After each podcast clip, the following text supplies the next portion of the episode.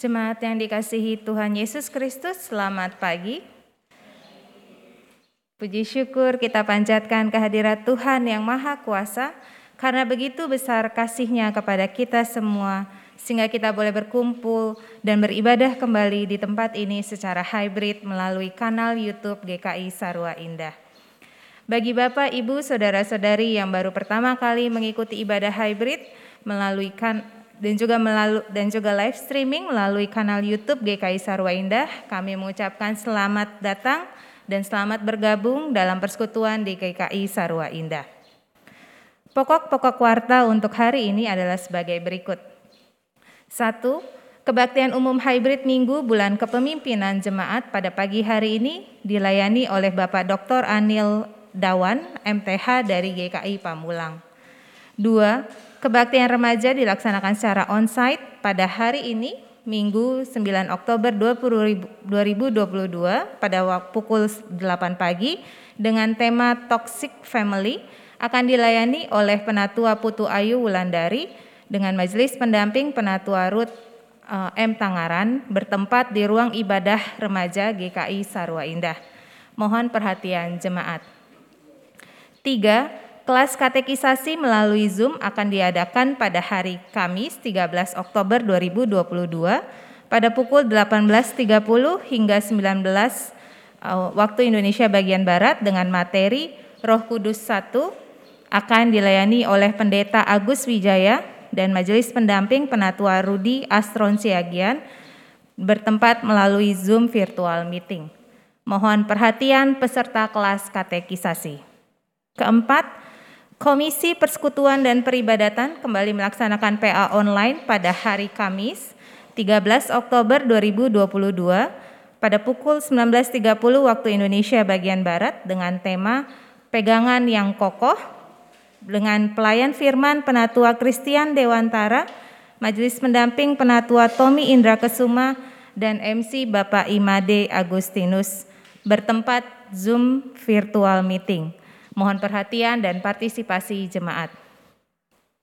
Kelima, Komisi Usia Lanjut akan mengadakan PA Kul pada hari Jumat 14 Oktober 2022 pada pukul 10 waktu Indonesia bagian Barat dengan tema Penuntut versus Penurut. Akan dilayani oleh pelayan firman Ibu Dosmariani Tambunan dengan Majelis Pendamping Penatua Elizabeth Buki, eh, Elizabeth Bati dan MC Ibu Juliana Buki. Bertempat di Sekretariat Gereja, mohon perhatian jemaat. Keenam persekutuan doa pagi akan diadakan pada hari Sabtu 15 Oktober 2022 pada pukul 6 pagi akan dilayani oleh pelayan firman Ibu Hartati Sembiring dengan majelis pendamping Penatua Rudi Astron Siaga, Siagian Piket Penatua Benyamin Ganatangke dan Penatua Edwin MB Tambunan bertempat di Zoom virtual meeting. Mohon perhatian jemaat. Ketujuh, Komisi Remaja akan mengadakan kuber dan makrab pada hari Sabtu 15 Oktober 2022 pada pukul 16 waktu Indonesia bagian Barat dengan tema berkeluarga dalam Kristus Pelayan Firman Penatua Wahyu Kristianti, Majelis Pendamping Penatua Tri Surya Maharani Pasaribu, bertempat di Sekretariat GKI Sarua Indah. Mohon perhatian jemaat. Kedelapan aksi Natal 2022, yang pertama ada PO Bapau, jemaat dapat mengambil pesanan Bapau di Sekretariat Gereja pada hari ini, Minggu 9 Oktober 2022, dapat menghubungi panitia semester 2 melalui WA kepada Ibu Petra, Ibu Handini, Ibu Nova, Ibu Lamti Yurma. Mohon perhatian jemaat. Yang kedua, donasi untuk berbagi kasih dalam menyambut Natal Panitia SI 2 tahun 2022 mengajak Bapak Ibu jemaat yang rindu berbagi kasih dengan berdonasi yang akan dibuka sampai 27 November 2022. Bapak Ibu jemaat dapat menghubungi kontak person dengan Ibu Lili atau Nova Siregar melalui nomor 0813 8352 2443. Mohon perhatian jemaat. Demikian pokok-pokok warta untuk hari ini. Untuk lebih lengkapnya, jemaat dapat membaca di warta jemaat dalam bentuk file PDF. Segenap majelis jemaat mengucapkan selamat beribadah. Tuhan memberkati.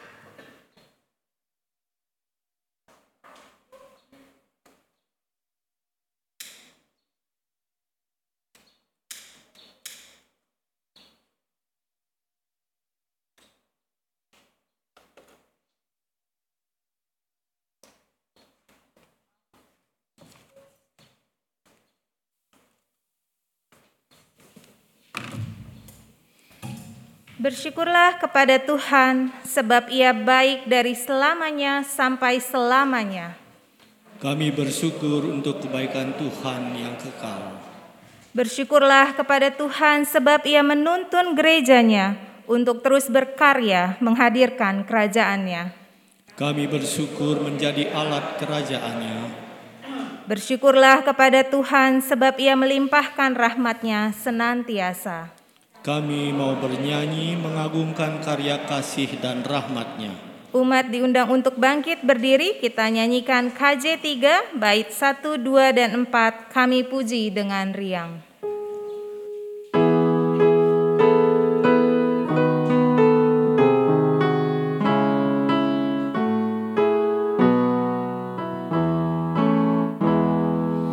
Kami puji dengan Engkau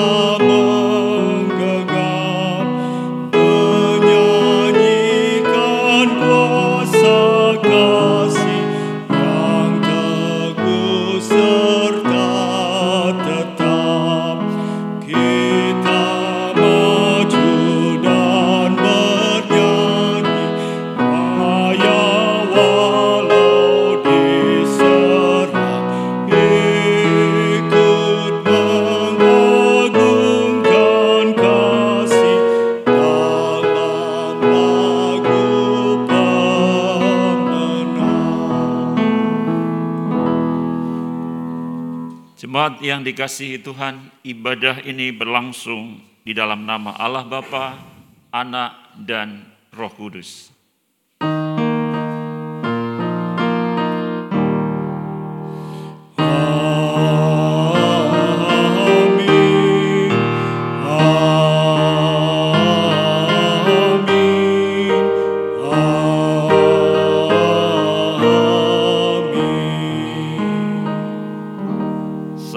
Saudara, damai Kristus beserta saudara semua.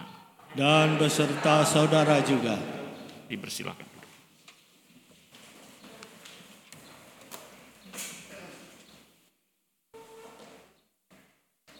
Tugas panggilan gereja adalah membangun persekutuan, menghadirkan kesaksian, dan mewujud nyatakan pelayanan bagi Allah di dunia.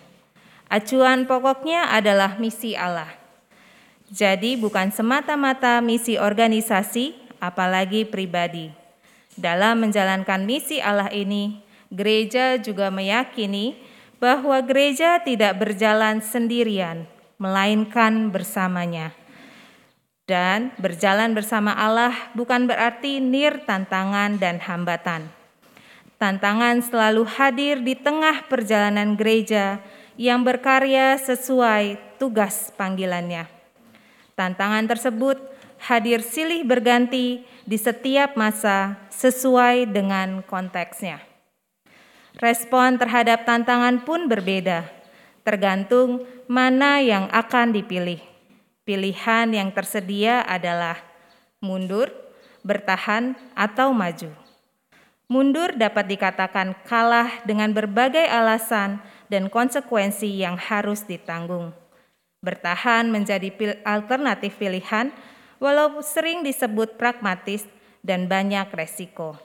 Sedangkan pilihan untuk tetap maju tentu menjadi pilihan ideal dan menjadi impian semua pihak tetapi apakah semudah itu untuk mewujudkan gereja yang tetap berjalan teguh, maju dan pantang menyerah di tengah tantangan yang ada?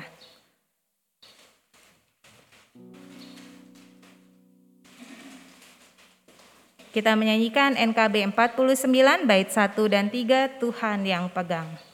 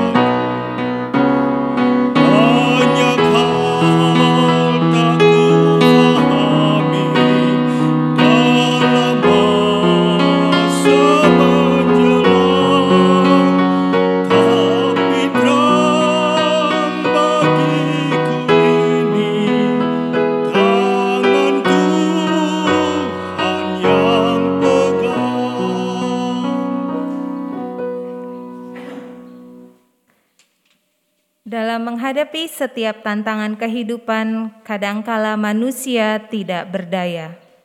Sebagai orang percaya pun kadang tidak jauh beda dengan orang yang tidak mengenal Allah. Kemudian mengandalkan kekuatan diri, kekuatan dunia, dan lupa bahwa ada kuasa Allah yang sebenarnya dapat menjadi andalan. Kita jatuh dalam pola hidup yang meragukan kehadiran dan kuasanya. Mari kita datang kepada Tuhan, memohon pengampunannya dan sekaligus pembaharuan, supaya kita diubahkan menjadi umat yang menyadari dan mengakui akan kesalahan, dan kemudian teguh berpegang pada janji penyertaannya.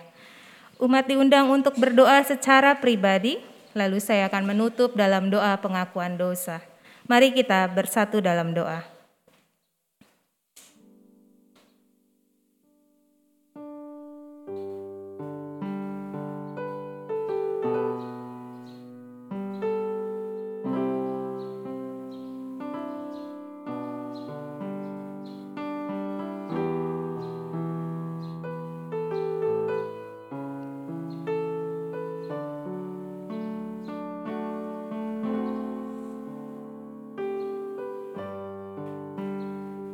Kepada Tuhan yang mengasihi dan memiliki kami, kami datang dengan rendah hati, memohon pengampunan atas kesalahan dan dosa kami.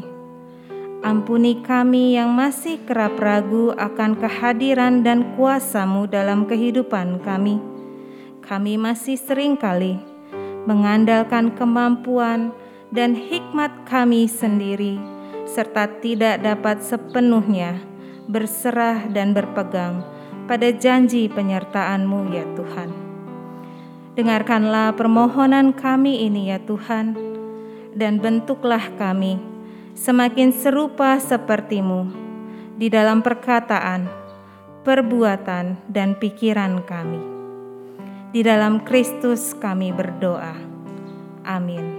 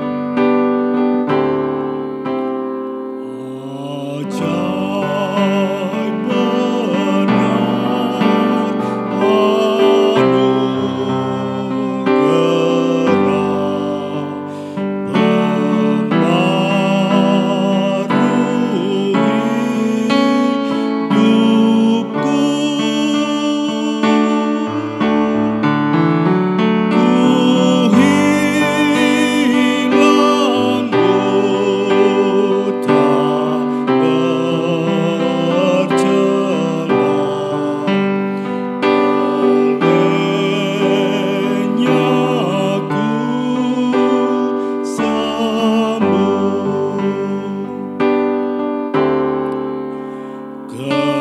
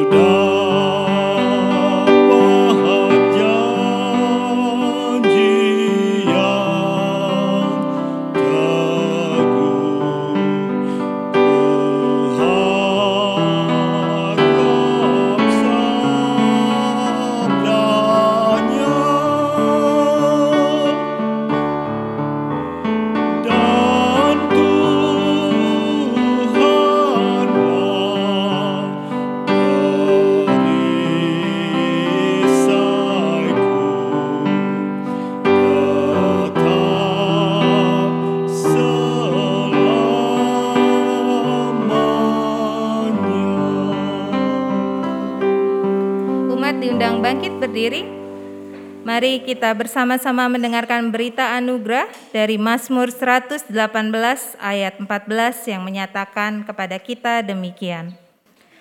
Tuhan itu kekuatanku dan maskurku, ia telah menjadi keselamatanku. Demikianlah berita anugerah dari Tuhan. Syukur kepada Allah.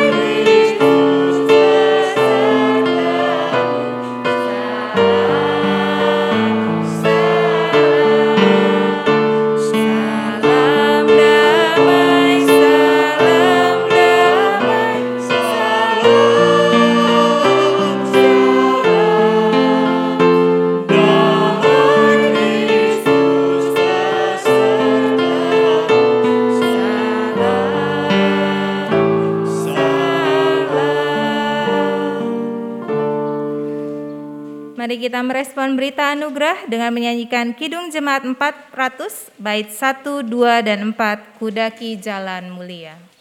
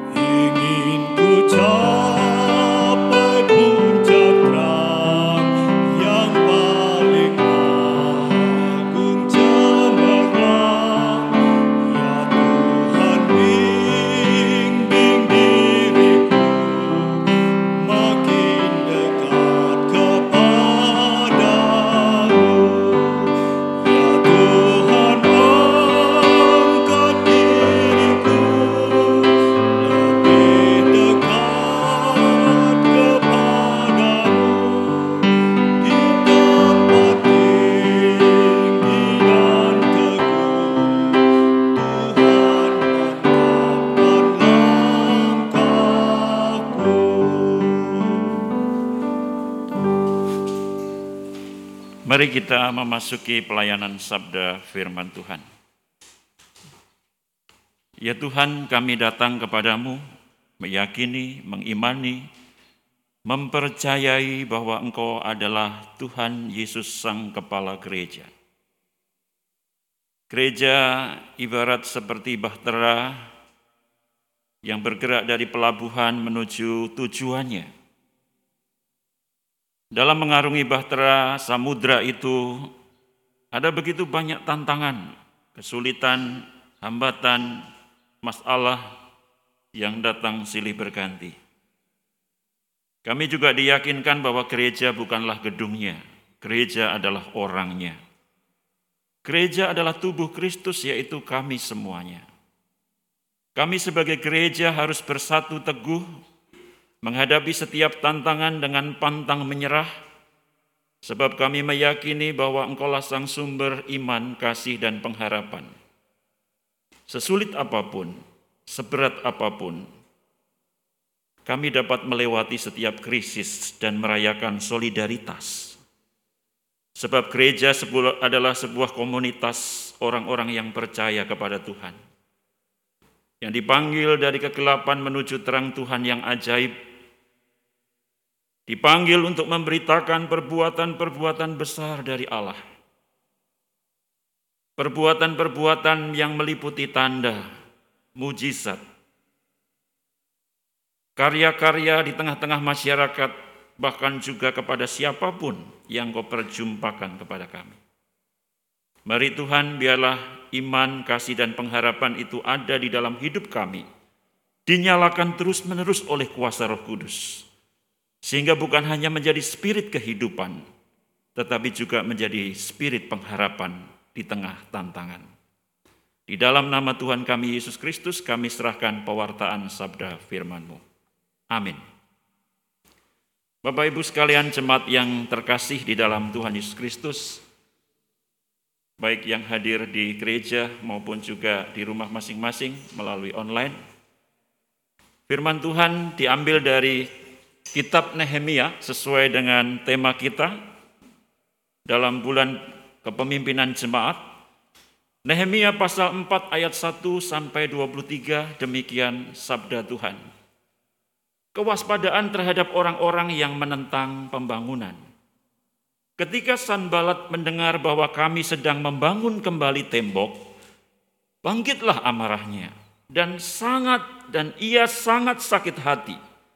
Ia mengolok-ngolokkan orang Yahudi dan berkata di hadapan saudara-saudaranya dan tentara Samaria, "Apa gerangan yang dilakukan orang-orang Yahudi yang lemah ini?" Apakah mereka memperkokoh sesuatu? Apakah mereka hendak membawa persembahan? Apakah mereka akan selesai dalam sehari? Apakah mereka akan menghidupkan kembali batu-batu dari timbunan puing yang sudah terbakar habis seperti ini? Lalu berkatalah Tobia orang Amon itu yang ada di dekatnya, Sekalipun mereka membangun kembali, kalau seekor anjing hutan meloncat dan menyentuhnya, robohlah tembok batu mereka. Ya Allah kami, dengarlah bagaimana kami dihina. Balikkanlah cercaan mereka menimpa kepala mereka sendiri dan serahkanlah mereka menjadi jarahan di tanah tempat tawanan.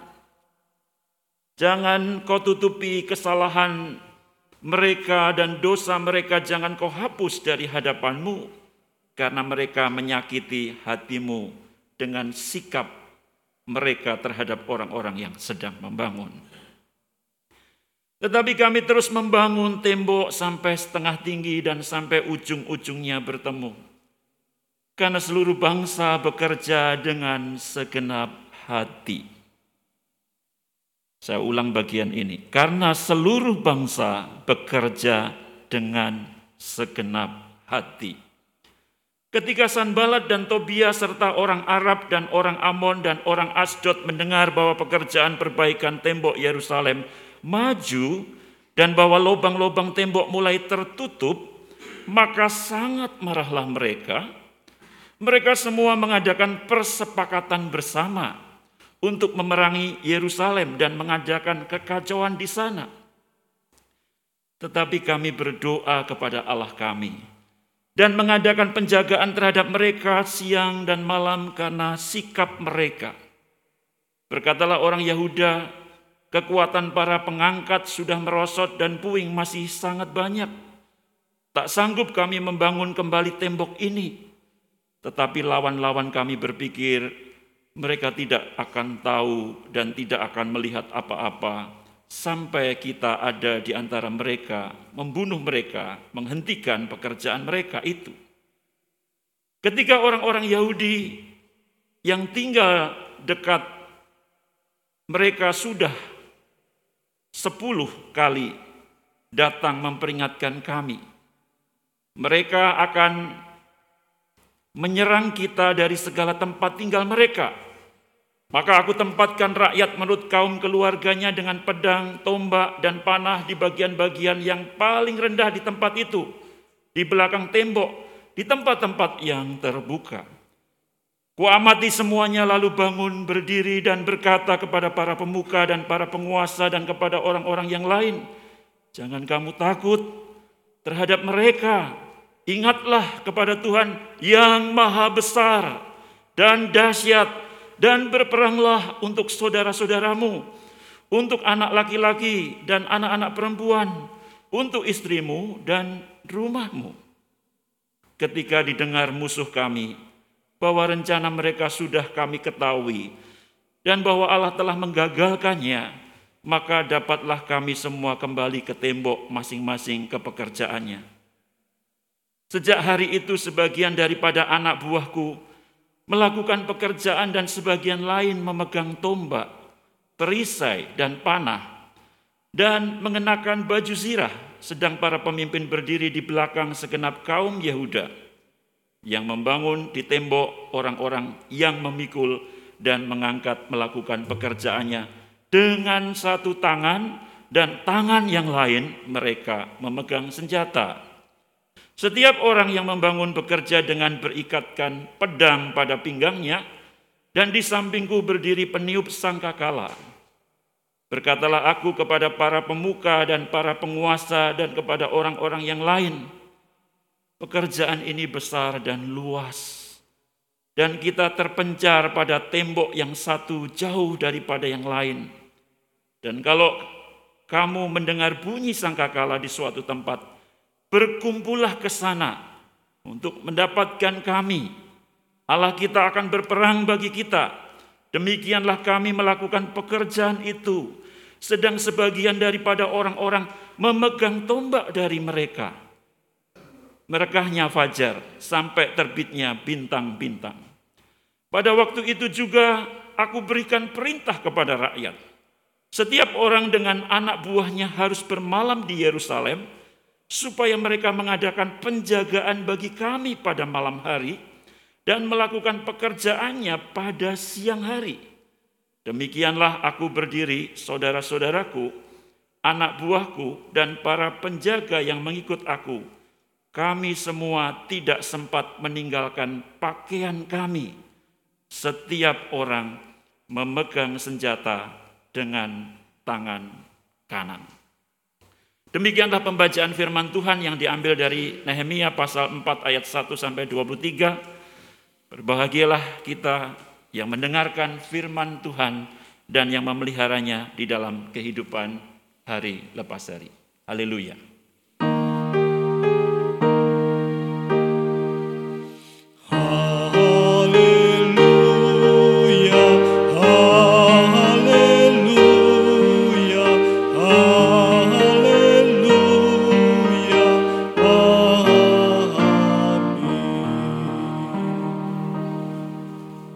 Yang dikasih dan yang mengasihi Tuhan Yesus Kristus, gereja yang teguh dan pantang menyerah. Kalau kita melihat bagian ini, merenungkannya, pasti kita langsung berpikiran bahwa semua usaha di dunia ini, baik yang kecil maupun besar, itu membutuhkan mental yang teguh, semangat yang tangguh. Jauh dari kata kalah menyerah, atau yang selalu kita tanamkan sejak dini kita mengajar anak-anak kita.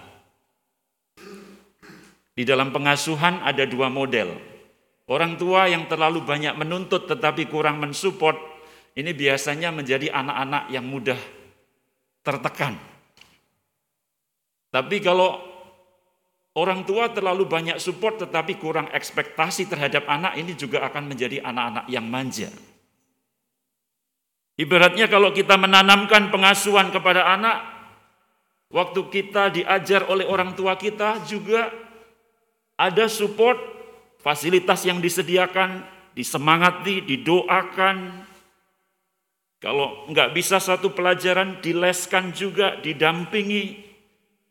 Semuanya diberikan yang terbaik. Tetapi kadang ada orang tua yang bilang kepada anaknya begini, nak, kamu lulus atau tidak lulus, tidak apa-apa. Sekolah atau enggak sekolah juga enggak apa-apa.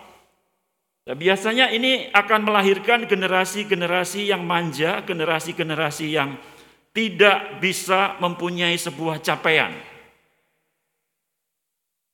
Dan waktu kecil kita juga diajarkan ketika kita berjalan dan kita jatuh, orang tua kita akan menyemangati, mengatakan, ayo coba lagi, kamu bisa. Bapak ibu sekalian yang dikasih dan yang mengasihi Tuhan, di dalam kehidupan kita tidak ada sesuatu yang kita dapat dengan mudah. Kadang kita harus berjalan tertatih untuk jatuh dan bangun. Dan selalu kita mendengar seruan motivasi, kamu bisa. Ayo berjalan, ayo bangkit. Saya masih ingat, waktu saya belajar sepeda, saya nabrak tiang listrik. Karena nggak tahu didorong sama teman saya, arahannya cuma satu. Kayuh sekencang-kencangnya. Waktu saya kayuh, sudah kencang saya lupa di mana remnya. Dan saya tanya ke dia, karena saya disuruh mengayuh saja, instruksinya suruh mengayuh, ya saya kayuh saja. Dan akhirnya saya tidak tahu cara menghentikannya, di depan ada tiang listrik, ya sudah, tabrak saja tiang listrik. Apakah kapok? Tidak. Waktu SMP saya belajar naik sepeda motor. Yang ditabrak bukan tiang listrik, tapi tiang jemuran. Sama-sama tiang juga. Karena waktu itu ada sepeda motor om saya, lalu kakak dan adik saya bilang, ayo coba motornya. Saya naikin saja. Waktu digas, kok nggak jalan? Saya masukkan lagi, jalan lagi, kencang-kencang. Dan karena itu gang sempit akhirnya yang ditabrak tiang jemuran tetangga. Waktu belajar naik mobil, saya menabrak rodanya orang jual es batu sampai angka 8. Jadi apakah saya kapok? Tidak. Itulah orang belajar. Selalu ada accident, ada kecelakaan, ada trial and error di situ. Tetapi setiap orang yang punya jiwa pemenang, mental juara, dia selalu punya harapan, kekuatan, keyakinan yang teguh, tidak mudah menyerah kalah, tidak pernah berhenti di tengah jalan. Ya, orang Jawa bilang alon-alon asal kelakon, tetapi tetap ada tujuannya. Tapi dibilang itu ketinggalan zaman, cepat selamat. Jangan alon-alon asal kelakon, nanti nggak tekan-tekan, nggak sampai-sampai. Nah moto ini juga saya hidupi Bapak Ibu sekalian. Waktu saya studi S1, S2, dan S3, dalam prinsip hidup saya, saya tekankan dan saya katakan kepada diri saya sendiri, tidak ada istilah berhenti di tengah jalan. Apa pun kesulitannya, apa pun masalahnya, apa pun kekurangannya, tetap harus punya upaya usaha doa. Saya ingat kami waktu studi S3 itu ada enam orang satu angkatan. Dan ternyata yang bisa menyelesaikan hanya dua orang. Yang empat ini saya cari ke mana mereka. Saya coba hubungi mereka, saya coba bagaimana bisa membantu mereka. Tetapi ternyata semangatnya sudah sudah saya nyerah. Sudah nggak bisa dilanjutkan. Stop sampai di sini. Bapak Ibu sekalian jemaat yang dikasihi dan yang mengasihi Tuhan. Apa sih sebetulnya pentingnya tema kita yang kita renungkan hari ini? Gereja yang teguh, gereja yang pantang menyerah. Ini kayaknya mudah diucapkan, tetapi tak mudah dilakukan. Para pahlawan bangsa kita berjuang untuk kemerdekaan negara kita itu juga punya cita-cita yang luar biasa. Mereka menginginkan sebuah negara yang mandiri, berdaulat, adil, makmur, sejahtera, dan adalah pemimpin-pemimpin.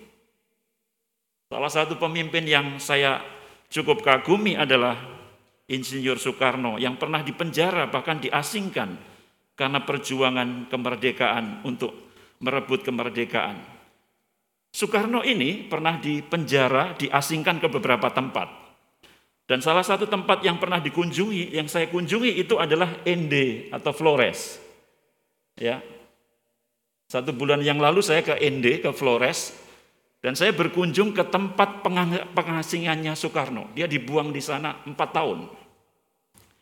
Dan yang menarik bahwa di tempat pengasingannya itu, tempatnya sempit Bapak Ibu sekalian. Itu rumah mungkin separuh dari ruangan ini. Hanya ada dua kamar di kanan kiri, ruang tamu di depan, langsung dapur, lalu belakangnya ada uh, sumur ya, ada sumur.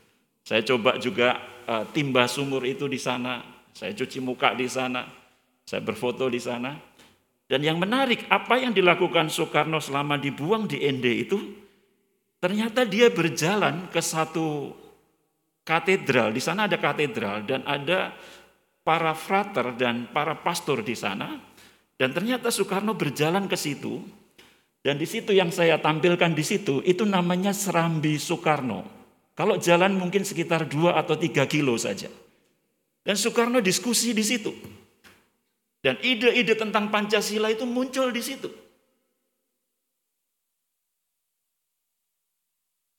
Bayangin Bapak Ibu sekalian, dibuang selama empat tahun. Tetapi selama empat tahun itu ternyata melakukan banyak hal. Melahirkan pemikiran-pemikiran Badan mungkin dipenjara, diasingkan, tetapi pikiran, cita-cita, harapan, motivasi itu tidak pernah surut. Perjuangan cita-cita itu pada akhirnya terkabul. Ya, 17 Agustus 1945 negara kita menjadi negara yang merdeka. Kalau tidak ada pemimpin yang teguh, yang tidak ada pemimpin yang pantang menyerah, mungkin kita tidak bisa merdeka. Selalu ada pemimpin-pemimpin yang berjuang dengan segenap hatinya, dengan segenap motivasinya, dengan segenap usahanya untuk mencapai cita-cita yang luhur itu.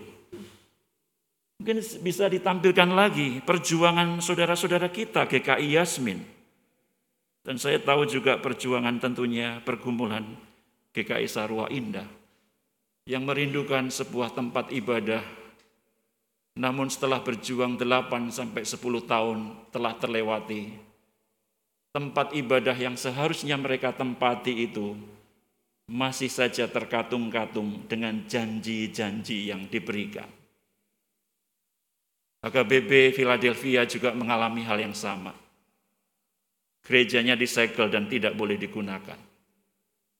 Bapak Ibu sekalian, dalam menghadapi situasi-situasi seperti itu, apa yang harus kita lakukan? Dan bagi saya, ketika berbicara tentang kepemimpinan jemaat, ini bicara bukan hanya tentang sebuah teori, tetapi benar-benar sebuah realita. Maka mari kita merenungkan bersama-sama apa yang sebetulnya kita pelajari ketika gereja itu menjadi gereja yang teguh, gereja yang tangguh, gereja yang tidak mudah menyerah. Ada tiga kebenaran di sini yang saya renungkan dan saya ingin membagikan kepada Bapak Ibu sekalian. Yang pertama bahwa gereja yang teguh dan pantang menyerah itu selalu punya asa yang tidak pernah putus menyerah, kalah terhadap tantangan yang ada. Tadi kita membaca di dalam ayat firman Tuhan, ketika Nehemia ditugaskan, diamanatkan untuk membangun tembok Yerusalem, ternyata dia menghadapi tantangan. Bapak Ibu sekalian, perlu kita tanamkan di dalam hati kita, pikiran kita, hidup adalah tantangan. Saya tidak mengatakan hidup adalah hambatan. Hidup adalah tantangan. Waktu kita lahir sudah ada tantangan. Waktu bertumbuh menjadi remaja sudah ada tantangan. Waktu menjadi pemuda sudah ada tantangan. Waktu dewasa sudah ada tantangan lagi. Dan setiap fase kehidupan manusia punya tantangan yang berbeda-beda. Nah, bagaimana kita menyikapi tantangan itu? Belajar dari Nehemia Bapak Ibu sekalian, ketika Nehemia dipercayakan sebagai pemimpin untuk membangun tembok Yerusalem, Dan dia menghadapi sebuah tantangan dan tantangan ini ternyata tidak dihadapi dari secara internal, eksternal. Dia berhadapan dengan orang-orang yang menentang dan menantang apa yang dikerjakannya. Meskipun yang dikerjakannya itu baik. Yaitu berupa penghinaan dari seorang bernama Sanbalat dan Tobiah tadi. Bapak Ibu sekalian pernah dihina enggak? Pernah dihina enggak? Bapak Ibu sekalian pernah dihina? Siapa yang menghina? Mungkin gak ada yang berani menghina orang GKI Sarua ya. Takut ya. Saya pernah dihina Bapak Ibu sekalian. Waktu kecil saya pernah dihina. Dan dihina itu sakitnya bukan di sini. Di sini, di sini, macam-macam. Ya, kalau lagu kan sakitnya tuh di sini, di dalam hatiku. Kalau dihina itu sakitnya bukan hanya di sini, sakitnya macam-macam itu. Suatu kali saya dihina oleh seseorang. Ini ini saya ini meng, saya nggak tahu ini sebab atau akibat. Jadi saya itu dibesarkan dari keluarga sederhana Bapak Ibu sekalian. Ayah saya itu lulusan SD, ibu saya juga lulusan SD.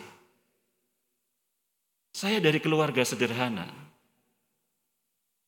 Tetapi di dalam hidup saya selalu ditanamkan oleh ayah saya. Bapak lulusan SD, tapi kamu anaknya bapak, nggak boleh lulus SD. Dari situ ada motivasi besar di dalam hati saya. Ya saya mau belajar, saya mau belajar, saya mau belajar. Apa pun kesulitannya nggak ada biaya ya usahanya apa pun. Nah, suatu kali Bapak Ibu sekalian, saya ini biasanya tiap hari diminta ayah saya membeli kopi bubuk. Jadi di di lingkungan kami itu itu ada home industry kebanyakan kopi bubuk. Dan ada satu juragan kopi bubuk di situ jadi saya tahu pembuatan kopi itu kayak apa, saya tahu. Nah, karena setiap hari beli kopi bubuk itu. Lah, anak daripada juragan kopi bubuk ini nggak mau sekolah. Ini anaknya orang kaya tapi nggak mau sekolah. Jadi sekolahnya itu dia kadang masuk, kadang nggak masuk gitu. Dan suatu kali si ibunya, si juragan kopi bubuk itu panggil saya. Eh kamu sini ya. ya saya datang. Lalu dia panggil anaknya juga. Eh kamu ingin sini juga. Jadi kami di di sebelahin gitu. Lalu anaknya dibilang gini, kamu ini tiru ini ya, kamu nggak mau sekolah. Nanti jadi apa? Ini ini tiru ini dia mau sekolah. Sudah selesai saya pulang. Yang terjadi saya dicegat di jalan sama anak ini. Mamanya juga nggak bijaksana sih. Dia menasihati anaknya melalui membandingkan dengan saya. Saya sendiri juga nggak setuju dengan cara itu. Tetapi apa boleh buat waktu itu saya masih mungkin kelas 3 SD, saya masih ingat kejadian itu. Saya dicegat di tengah jalan dan dia bilang, hei kamu, dia bilang gitu. Tadi malu saya dipermalukan sama ibu saya di depan kamu. Lalu dia bilang begini, menghina saya. Kamu orang miskin, seumur hidup kamu tetap miskin. Itu saya ingat sampai sekarang, nancep itu Mas Jan. Saya ingat, itu kejadiannya 3 SD loh Bapak Ibu. Tetapi saya masih ingat sampai sekarang. Tetapi di dalam hati saya katakan, saya imani, Tuhan, saya percaya kepadamu, saya dihina, saya diolok, saya direndahkan. Perkataan manusia bukan perkataan Tuhan, saya mengatakan kepada diri saya sendiri, saya tidak akan seperti yang dia katakan. Saya akan buktikan bahwa saya tidak seperti yang katakan. Tuhan tolong saya. Saya nggak tahu sekarang anak itu ada di mana. Kalau saya pulang kampung, saya nggak pernah menemukan anak itu lagi. Tetapi di dalam hati saya ketika penghinaan itu luar biasa dan itu yang juga dialami Nehemia ketika dia diolok-olok, dihina oleh seorang yang bernama Sanbalat itu. Dihina itu, itu berarti diejek, ditertawakan, direndahkan, dijatuhkan mentalnya, dipatahkan semangatnya, hanya demi supaya menggagalkan upaya pembangunan tembok Yerusalem itu. Bapak Ibu sekalian, ada namanya itu mental breakdown. Mental breakdown itu adalah kalau orang menghadapi sebuah masalah, lalu dia dihina, direndahkan, diejek, lalu mentalnya jatuh. Lalu biasanya akan kalau nggak kuat, dia akan mencari baygon rasa stroberi. Ya, diminum. Karena lebih baik mati daripada saya dihina. Orang Jepang daripada dia dihina lebih baik hara kiri. Dia bunuh diri.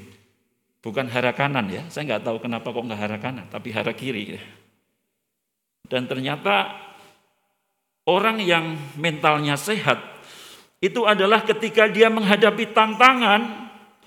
Nehemia itu dia menghadapi tantangan yang bukan hanya satu, dua, atau tiga, tetapi dia menghadapi tantangan yang begitu rupa. Dia menghadapi tantangan dari berbagai macam pihak, tetapi mentalnya tidak jatuh. Semangatnya tidak putus. Dan ketika kita menghadapi tantangan, gereja menghadapi tantangan, di situ harus muncul pemimpin-pemimpin yang tetap ada dalam kondisi yang tidak putus asa. Coba bayangin Bapak Ibu sekalian, kalau kita memimpin, ini kita memimpin, dan ketika kita memimpin itu lalu ada tantangan, lalu ada yang menghina, mengolok-ngolok dan mengejek kita. Lalu kita sebagai pemimpin juga jatuh. Bagaimana dengan yang kita pimpin? Akan jadi apa mereka? Dan itu kita bayangkan ketika Nehemia menghadapi itu, dia menghadapinya.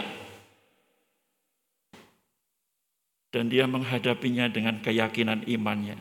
Kebenaran yang kedua Bapak Ibu sekalian, Gereja yang teguh dan pantang menyerah itu meletakkan iman kepada Tuhan Allah dalam doa dan usaha yang sungguh-sungguh.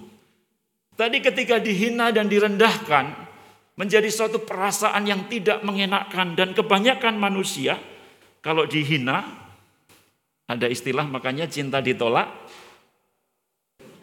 Siapa yang bertindak? Dukun bertindak. Ya, cinta ditolak, dukun bertindak. Ini nampaknya terjadi ya. Makanya ada aji-aji ya di di apa di berbagai daerah itu ada aji-aji orang yang nggak suka jadi suka sama dia itu ada itu. Bukan aji mumpung ya. Aji-aji apa itu ya? Nah, semar apa itu ya? Semar mesem ya. Jadi Bapak Ibu sekalian itu saya pernah bertemu juga sama seorang jemaat yang bekerja sebagai uh, insinyur di PDAM. Dia tahu-tahu masuk ruangannya dia baru saja menduduki jabatan itu. Lalu dia kaget karena di, di ruangannya banyak garam di situ. Lalu dia tanya saya, dia pulang tanya saya, Pak, ini kok di ruangan saya banyak garam? Oh mungkin di situ lagi jemur garam kah gitu ya. Lalu tanyalah orang-orang yang di situ biasanya. Pak hati-hati itu mungkin ada orang yang nggak suka sama Bapak. Supaya Bapak nggak kerasan di tempat itu dan Bapak nanti akhirnya keluar dari tempat itu. Itu orang-orang situ yang bilang. Itu di satu kota kecil di Jawa Timur. Nah, Bapak Ibu sekalian bagaimana kita menghadapi seperti ini? Nehemia ketika dia dihina, direndahkan, dia menghadapi tantangan dan perasaan yang tidak mengenakkan. Itu kebanyakan manusia yang masih hidup dalam hawa nafsu. Tadi kalau cinta ditolak, dukun bertindak. Kalau orang punya kuasa, dihina, apa yang terjadi Bapak Ibu sekalian? Yang dilakukan apa?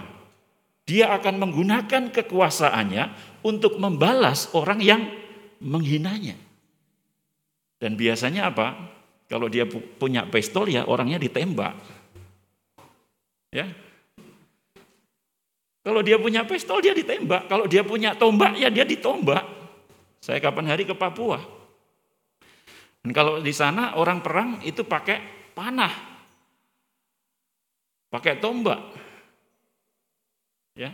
Apa saja yang di tangannya bisa dipakai untuk melampiaskan, mengalahkan, membalas orang yang menghina itu. Tetapi saya sangat tergetar ketika saya membaca, kita semua membaca tentang Nehemia ini. Nehemia menunjukkan kualitas spiritualitas kepemimpinannya. Nehemia tidak menjadikan penghinaan itu sebagai persoalan yang meruntuhkan iman dan mentalnya sebagai pemimpin. Nehemia menjadi pemimpin yang sejati, yang tidak pernah runtuh karena hinaan, karena hinaan hanya akan menjadi pil pahit yang kalau ditelan dan dikunyah akan menjadi obat yang mujarab, mujarab untuk menyembuhkan dan membangun daya juang. Jadi Bapak Ibu sekalian kalau kita dihina, telan saja, itu jadikan pil pahit kita dan menyemangati kita untuk lebih sehat dan kuat untuk meraih apa yang sebetulnya Tuhan berikan kepada kita. Nehemia juga dia akhirnya curhat. Dia bukan curhat kepada manusia. Dia curhat, dia memilih untuk mencurahkan gundah gulananya itu, jiwanya yang dihina itu kepada Tuhan Allah Sang Pencipta.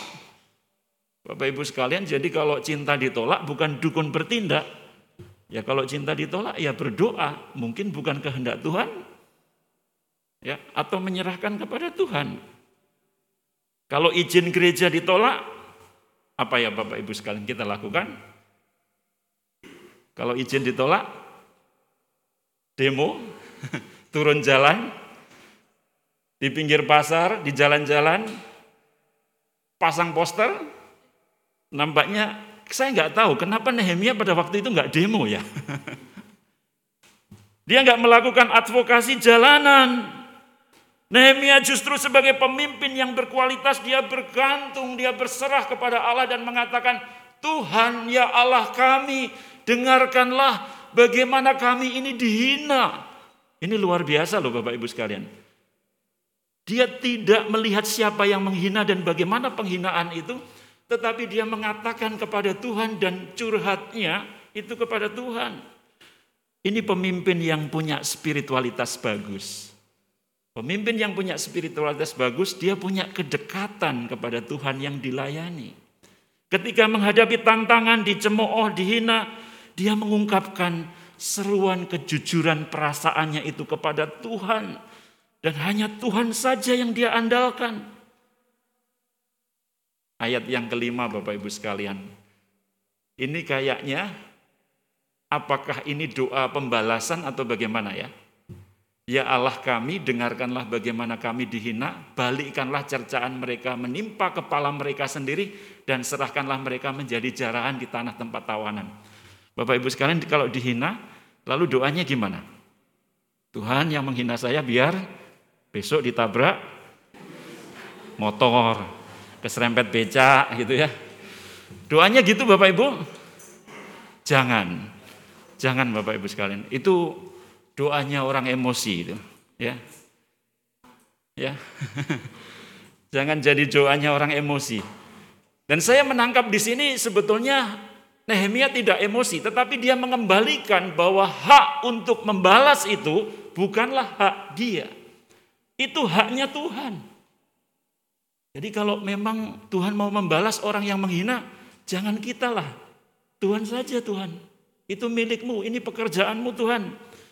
Saya nggak sanggup. Biar Tuhan saja yang bekerja. Biar Tuhan saja yang bertindak. Jadi jangan Bapak Ibu sekalian ya, mendoakan orang yang saya ini di pekerjaan juga begitu Bapak Ibu sekalian. Sebagai seorang manajer di perusahaan atau di organisasi, namanya staf, karyawan itu ada yang senang, ada yang tidak senang. Ada yang senyum-senyum di depan tapi di dalam hati mungkin oh, awas kamu ya. Tetapi saya berusaha untuk menjadi orang yang genuine lah. Orang senang silahkan, nggak senang ya nggak apa-apa. Ya, Bapak Ibu sekalian, kadang ada orang yang tidak senang tapi nggak ngomong sama kita. Betul ya? Kalau di Indonesia gitu ya, tradisi kita ya. Tapi ngomongnya sama ngomongnya sama siapa? Orang lain. Jadi istilahnya apa itu ya? Enggak senang sama kita, tapi ngomongnya enggak sama kita, tapi ngomongnya sama orang lain. Itu kalau di sini bahasanya apa ya? Di Sarua kan enggak ada, jadi sulit memang untuk benar. Apa Bapak Ibu? Namanya apa? Enggak senang sama kita, tapi enggak ngomong sama kita. Kan harusnya ngomong sama kita toh. Pak saya enggak suka ini loh Pak, ini, ini, ini. Tapi dia nggak senang, tapi ngomongnya sama orang lain. Namanya apa Pak? Gosip? Atau membicarakan kejelekan orang? julid, oh, judes lidah bu. Ini kebanyakan makan sambal level 5 bu biasanya bu. Orang julid biasanya kebanyakan makan sambal level 5 mungkin. Ya judes lidah, tapi ngomongnya itu di belakang. Kalau orang Jawa itu bilang ngerasani. Ngerasani itu membicarakan kita di belakang kita. Tapi kan namanya tembok saja kan dengar kan. Dan ada orang yang ngomong sama kita. Padahal itu orang yang kesekian karena setiap ngomong bilang jangan ngomong siapa-siapa ya. Itu orang yang ke seratus sudah. Jadi Bapak Ibu sekalian kalau membicarakan orang hati-hati ya. Waktu kita ngomong jangan ngomong siapa-siapa ya. Itu jangan-jangan orang yang sudah ke seribu itu sudah. Jadi nggak ada gunanya kita bilang jangan ngomong siapa-siapa ini. Nah saya mendengar, lalu orang itu bilang gini, Pak, Bapak dibicarakan di belakang Bapak. Saya tersinggung? Enggak. Saya bilang, enggak apa-apa. Saya enggak sempurna. Saya ada yang kurang. Saya dibicarakan, enggak apa-apa. Suatu kali Bapak Ibu sekalian, tiga bulan yang lalu, memang dia sudah tidak menjadi bawahan saya. Dia sudah resign. Tapi dia tiba-tiba mengalami serangan. Ya, dia sakit. Dan saya menelpon keluarganya. Dan kami mendoakan, mendukung terus. Iman Kristen itu tidak membalas kejahatan dengan kejahatan. Kalau kita dibicarakan kejelekan kita di belakang kita, kita tidak membalas dengan membicarakan kejelekan orang lain. Kita tetap dipanggil untuk memberkati, mengasihi, dan di sinilah saya lihat kualitas spiritualitas Nehemia yang tidak pernah menjadikan sebuah tantangan itu sebagai sesuatu yang menghancurkan dan meluluh lantakkan semangatnya, tetapi justru dia berdoa. Nah, pemimpin yang istimewa, pemimpin yang hebat adalah pemimpin yang senantiasa berdoa. Ini pemimpin, ciri-ciri pemimpin yang hebat adalah dia punya kedekatan sama Tuhan. Dia selalu berdoa, mencari kehendak Tuhan. Pagi, siang maupun malam. Dan itu akan menjadikan kita sebagai pemimpin yang dekat sama Tuhan. Pemimpin yang selalu mengandalkan Tuhan. Dan yang terakhir Bapak Ibu sekalian. Gereja yang teguh dan pantang menyerah adalah gereja yang mengatur strategi karena hikmatnya dan semua rencana terlaksana sampai pada goal dan tujuannya. Tadi kita membaca bahwa seorang pemimpin yang dialami oleh Nehemia bukan hanya dia mendekatkan diri kepada Allah, dia beriman, tapi sekaligus dikaruniai kecerdikan. Sebab iman ya tanpa tindakan itu akan menjadi iman yang mati. Kitab Yakobus mengatakan gitu. Iman tanpa perbuatan adalah iman yang mati. Bahkan ada seorang bernama uh, Einstein dia mengatakan science without religion ya is blind. Ilmu pengetahuan tanpa agama itu akan menjadi buta. Sebaliknya, agama tanpa ilmu pengetahuan akan menjadi dungu dan bodoh. Maka lihat orang-orang yang fanatik beragama dan tidak menggunakan ilmu pengetahuan sebagai bagian pelengkap dari imannya. Kan kayak orang bodoh. Ya. Sudah jelas-jelas ada pandemi, ada Covid. Ya, ya tetap saja Katanya kalau saya ke satu tempat lalu e, Bapak sudah vaksin belum? Sudah saya bilang, saya sudah ketiga. Bapak sudah vaksin belum? Enggak, kan COVID tidak ada. Wah ini kayaknya imannya ini, iman apa ini ya? Iman tapi tidak menggunakan ilmu pengetahuan. Dan Nehemia di situ, dia seorang pemimpin yang beriman sekaligus dia dikaruniakan kecerdikan dan akal dan hikmat untuk mengatur strategi bagaimana dia menjalankan pekerjaan dan pelayanannya dengan lebih efektif mencapai goal dan tujuannya. Tadi ya dikatakan Bapak Ibu sekalian, sejak hari itu sebagian daripada mereka anak buahku melakukan pekerjaan dan sebagian lain memegang tombak. Kenapa diatur strategi itu? Karena memang mereka menghadapi ancaman keamanan. Jadi tetap bangun temboknya terus, tapi ada yang pegang tombak untuk melawan kalau ada orang yang datang untuk mengganggu dan mengancam keselamatan mereka. Di sini ada sinergi dan kolaborasi dan komunikasi tim yang hebat, yang kompak. Nehemia menyadari bahwa gangguan yang dihadapi dalam proses pembangunan tembok Yerusalem bukan saja ancaman yang secara psikis mereka hadapi, hinaan dan cercaan yang mereka hadapi, tapi juga ada gangguan keamanan Nah, kemarin gangguan keamanan itu selalu disesuaikan dengan tingkat gangguannya. Makanya security di kantor-kantor itu Bapak Ibu sekalian, senjatanya apa ya? Security itu apa ya? Raket nyamuk kah? Untuk ngusir nyamuk kalau malam-malam pas jaga. Apa Bapak Ibu sekalian? Kemarin di Kanjuruhan, di Malang, itu Kapolresnya kan sudah bilang ya, tidak boleh menggunakan gas air mata ya karena ini di tempat ada yang tertutup dan nanti kalau ada terjadi kericuhan ya harus eksesif disesuaikan dengan gangguan keamanannya. Tetapi ternyata ada gas air mata meskipun di sana FIFA melarang dan akhirnya akan eh, terjadi korban. Kita sangat prihatin dan berduka.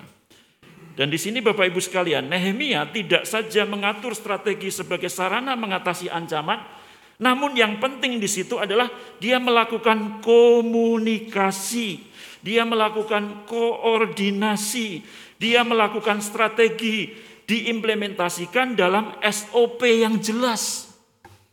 Oh, ini pemimpin hebat. Pemimpin hebat bukan hanya mengandalkan Tuhan, tapi pemimpin hebat ternyata juga bisa berkomunikasi, mengkoordinasi, dan mengimplementasikan pada tahapan-tahapan teknis yang bisa dilakukan dan disosialisasikan dengan jelas dan dipahami oleh timnya. Ya, minggu ini kami melakukan tim building di Bogor. Dan biasanya di acara tim building itu setiap orang akan diajarkan bagaimana berkoordinasi, berkomunikasi, ya, bagaimana kita melakukan sinkronisasi dalam proses me wujudkan tujuan dan goal. Nah, siapa melakukan apa, di mana bentuk pembagian job desk-nya secara partisipatif melibatkan semua pihak. Dan di gereja itu perlu semua dilibatkan. Tidak boleh ada yang menjadi penonton di, di dalam gereja. Semua orang harus terlibat secara partisipatif. Ada yang sebagai pelayan, ada yang sebagai komisi, ada yang sebagai penatua, ada yang sebagai pendeta, ada yang menjadi pengurus uh, mengurus seperti ini apa mimbar ya. Ada yang melakukan renovasi pembangunan. Semuanya perlu dilibatkan, semua perlu dikoordinasikan dan di sinilah sebetulnya upaya cita-cita itu bisa terwujud. Akhirnya Bapak Ibu sekalian, apakah kita sebagai keluarga dan gereja punya asa, iman, dan pengharapan saat menghadapi tantangan dan kesulitan? Apakah dalam menghadapi tantangan doa kepada Tuhan itu menjadi hal yang kita andalkan? Tuhan, kalau saya angkat tangan Tuhan pasti turun tangan, aku berserah kepadamu, bergantung padamu Tuhan sepenuhnya. Sebab aku sudah melakukan apa yang aku lakukan yang di luar itu adalah bagiannya Tuhan. Apakah usaha kita sudah maksimal sejalan dengan doa-doa kita? Karena doa tanpa kerja itu bukanlah sebuah hasil. Sukses adalah doa plus usaha. Sukses. Apakah strategi berdasarkan hikmatnya sudah dijabarkan dengan langkah-langkah yang jelas? Apakah visi dan misi di breakdownkan dalam strategi-strategi sinergi dan kolaborasi, komunikasi yang penuh kasih di dalam jemaat, di dalam keluarga kita.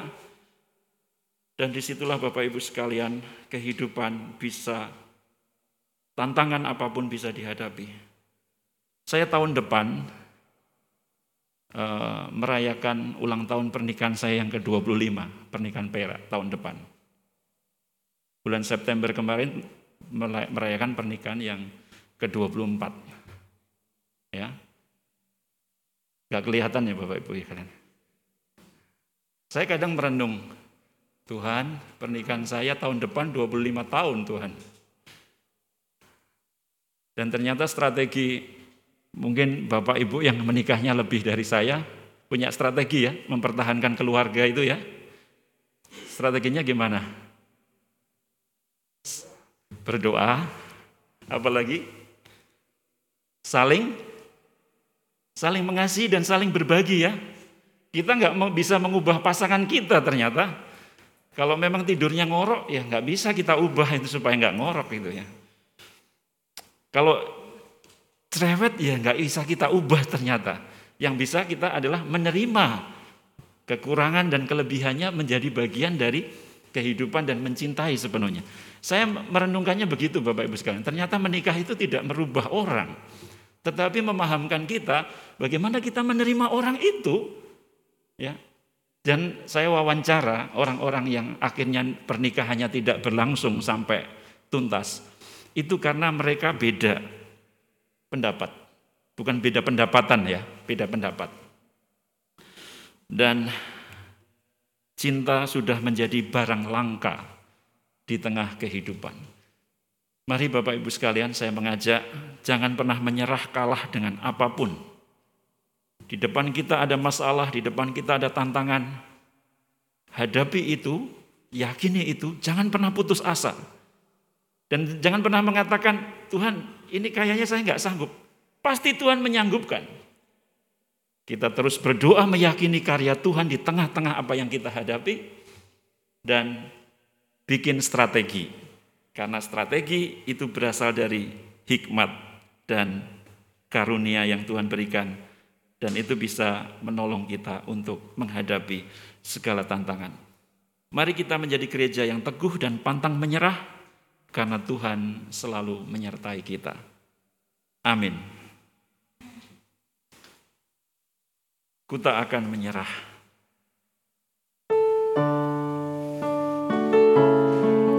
Di dalam segala perkara Tuhan pasti punya rencana yang lebih besar dari semua yang kita bisa pikirkan.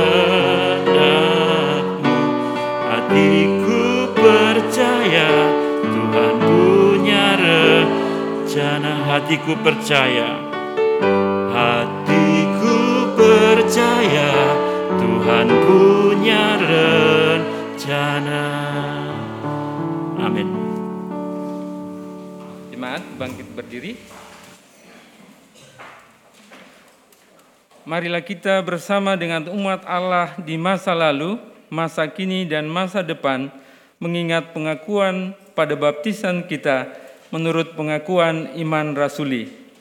Aku percaya kepada Allah, Bapa yang Maha Kuasa, Halit langit dan bumi, dan kepada Yesus Kristus, anaknya yang tunggal Tuhan kita, yang dikandung daripada roh kudus, lahir dari anak darah Maria, yang menderita sengsara di bawah pemerintahan Pontius Pilatus, disalibkan, mati dan dikuburkan, turun ke dalam kerajaan maut.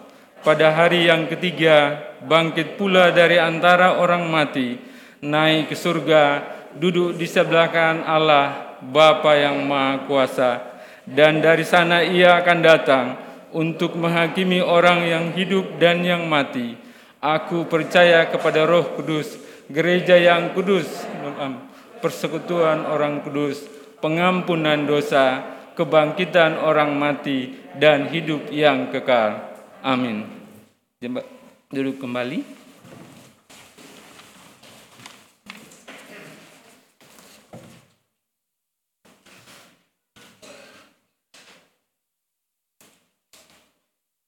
Bapa kami di dalam surga,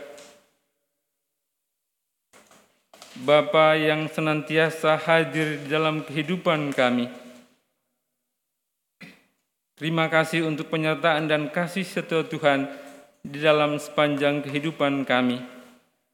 Saat ini Tuhan, kami bersama-sama berdoa untuk lahan kami, lahan GKI Sarua Indah yang ada di Dusun Tiga. Berkatilah orang-orang yang telah kami berikan kepercayaan untuk mengelolanya ya Tuhan. Kiranya keberadaan mereka di sana menjadi berkat di lingkungan sekitarnya Tuhan. Dan biarlah kami sebagai jemaat merencanakan dan membuat program untuk rencana-rencana kami selanjutnya untuk untuk lahan kami di Dusun Tiga ya Tuhan. Kami juga berdoa senantiasa Tuhan untuk pembangunan gereja Nusa Loka. Saat ini sedang diurus semua persyaratan-persyaratannya Tuhan kepada pemerintah Tangerang Selatan.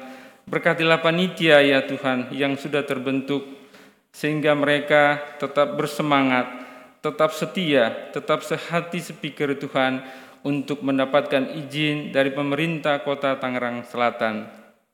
Inilah doa kami Tuhan yang kami bawa kepadamu melalui anakmu Tuhan Yesus Kristus. Bapa Surgawi, kepadamu kami menyerahkan untuk kehidupan kami, Siapa pun kami, apa pun yang kami hadapi saat ini Tuhan, biarlah kami menjadi pribadi-pribadi yang tidak mudah menyerah. Apa pun masalah, tantangan yang kami hadapi, kami akan menjadikan tantangan sebagai peluang.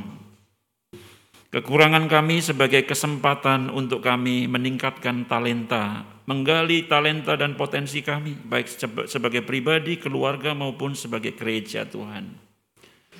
Kami berdoa untuk kehidupan seluruh jemaatmu dan juga untuk anak-anak kami, baik yang masih usia kanak-kanak maupun mereka yang beranjak menjadi remaja dan dewasa, bahkan mereka yang sudah bekerja dan berkeluarga. Kami mempercayakan anak-anak kami dalam pertolonganmu Tuhan. Biarlah mereka menjadi pribadi-pribadi yang teguh dan tangguh pribadi-pribadi yang mengandalkan Tuhan dalam segala perkara hidup mereka. Sebagaimana Nehemia tak dihancurkan oleh hinaan dan cercaan olokan, tetap menatap masa depan pembangunan tembok Yerusalem dengan sungguh-sungguh sampai itu terlaksana dan terwujud. Tuhan, jikalau Engkau izinkan kami masih menghadapi tantangan kehidupan saat ini, baik berupa sakit penyakit, Khususnya kami berdoa untuk saudara-saudara kami yang sakit, yang sedang dalam pemulihan, Ibu Mamik Palon, Ibu Hana Panjaitan, Ibu Yulia Kristianti, Bapak Kristian Hutagalung, Ibu Nike Elizabeth Buki, Bapak Wahyu Hidayat, dan Ibu Yohana Triani, ayah dan ibu penatua Kristian Dewantara. Kami berdoa juga untuk Ibu Maria Magdalena, Ibu Tambunan, Ibu dari Ibu Tiara Panggabean, Ibu Sarah Jaya Sumadi, Ibu Jumarti, Bapak RC Siagian, Bapak Rudi Pasaribu, Bapak Raffles Simamora, Bapak Sarasi Ganda Tua Panggabean, Bapak Christian Jefferson Martin, dan saudara-saudara kami yang mungkin tidak kami sebutkan namanya, yang sedang mengalami kelemahan tubuh, pulihkan dan angkat segala sakit penyakit mereka. Jangan biarkan mereka kalah dengan sakit penyakit ya Tuhan, sebab Engkau Tuhan yang mengaruniakan kekuatan dan kesembuhan, supaya saudara-saudara kami ini pulih seperti sedia kala. Kekuatan dan penghiburan datangnya daripada Engkau, keyakinan dan kemantapan hati untuk terus menjalani hidup ini dan berkarya adalah sesuatu nilai yang tak terhingga. Dan engkau berikan juga kepada saudara-saudara kami yang merawat, yang mendampingi, yang menyemangati, yang memotivasi, yang mendoakan saudara-saudara kami yang sakit dan membutuhkan pemulihan ini Tuhan. Kami juga mengucap syukur dalam kebahagiaan bersama saudara-saudara kami yang berulang tahun, Saudara Oki Wilia Kurnia, Ibu Heni Ariana Siregar, Bapak Arya Jubilium Siagian, Penatua Jojor Sri Rezeki Tobing, Saudara Yeremia Kurnia Aji, Bapak Ferdi Jordi Adindun, Bapak Roni Ricardo Alphonse, dan Saudara Daniel Raga. Kami bersuka cita bersama dengan sukacita mereka Kehadiran mereka di tengah-tengah dunia adalah karya cipta Tuhan yang luar biasa. Engkau memberikan rancangan damai sejahtera dan bukan rancangan kecelakaan. Dan memberikan hari depan yang penuh dengan harapan untuk saudara-saudara kami yang berulang tahun ini Tuhan. Tambah-tambahkan terus hikmat, kekuatan, dan kesehatan daripada Tuhan. Berkat rezeki yang berkelimpahan dan berkecukupan di dalam hidup mereka supaya hidup mereka yang diberkati tetap dapat menjadi berkat bagi sesamanya. Kami berdoa untuk pemerintah, bangsa, dan negara kami. Tragedi kanjuruhan yang memilukan, biarlah menjadi sarana untuk mentransformasi sepak bola di Indonesia supaya berprestasi. Kami berdoa untuk para korban, keluarga korban yang terus berduka, ya Tuhan, merasa kehilangan dengan sanak famili mereka, anak-anak mereka, Hiburkan dan kuatkan Tuhan, supaya mereka senantiasa ada di dalam kekuatan dan penghiburan Tuhan. Aparat penegak hukum yang terus melakukan investigasi terhadap proses siapa yang bertanggung jawab terhadap kejadian itu, ya Tuhan, biarlah penegakan hukum dapat dilaksanakan seadil-adilnya, menjadi pembelajaran bagi kami bersama bahwa nyawa itu berharga. Tuhan kami berdoa untuk pemimpin bangsa kami, berikanlah kepemimpinan yang baik dan bertanggung jawab, mengandalkan Tuhan senantiasa, dan senantiasa dapat mengkomunikasikan setiap perubahan dan kebijakan untuk adil, makmur, dan sejahtera bangsa dan negara kami dan seluruh rakyat. Namun biarlah disampaikan dengan cara-cara yang empatik. Pasca kenaikan harga BBM bersubsidi ya Tuhan, mungkin akan ada gejolak inflasi maupun resesi, biarlah ini tidak menjadi berita yang menakutkan, tetapi membuat kami lebih berhemat, tidak membelanjakan sesuatu dengan keinginan kami, tetapi sesuai dengan kebutuhan kami. Spiritualitas keugaharian, kehidupan yang sederhana itu juga ada di dalam kehidupan keluarga kami. Terima kasih Tuhan, seluruh doa dan permohonan kami kami naikkan hanya di dalam tangan kuasa Tuhan kami Yesus Kristus, Tuhan yang mengajar kami berdoa.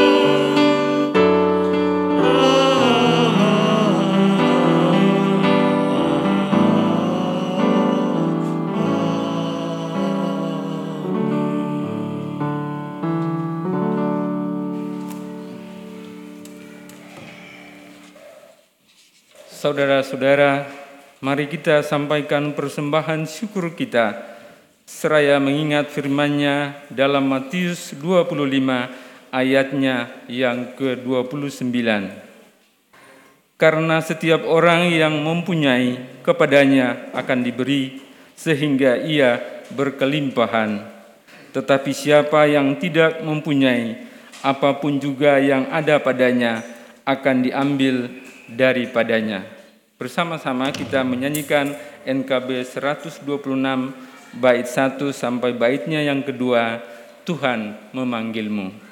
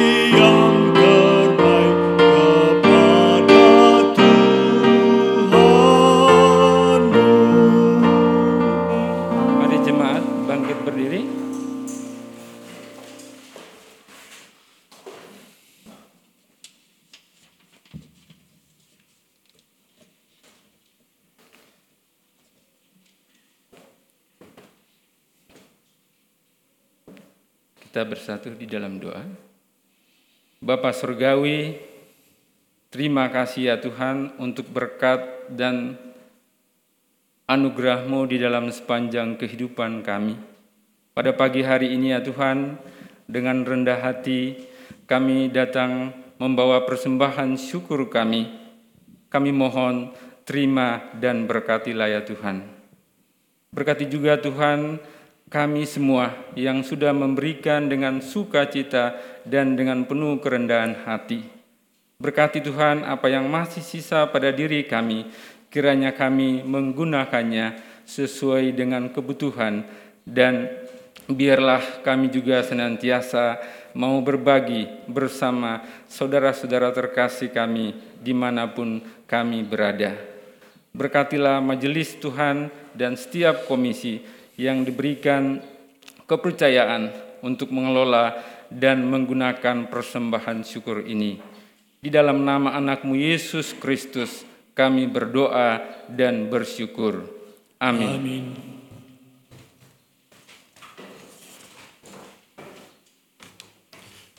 Bapak Ibu sekalian jemaat, melalui peristiwa Nehemia yang memimpin pembangunan kembali tembok Yerusalem, gereja diajak untuk belajar tentang kesadaran akan tantangan dan bagaimana menyikapinya. Sungguh tidak mudah bagi Nehemia ketika membangun kembali tembok Yerusalem. Ia terus-menerus mendapat rintangan baik dari luar komunitas orang Yahudi, yaitu bangsa-bangsa lain yang bertetangga dengan bangsa Yehuda, maupun dari internal komunitas Yahudi sendiri. Namun dengan keteguhan dan energi pantang menyerah, maka misi itu bisa terwujud tadi melalui doa dan juga strategi melalui hikmatnya. Mari wujudkan gereja yang teguh dan pantang menyerah, yang siap mengarungi lautan kehidupan yang penuh tantangan. Gereja bagai bahtera.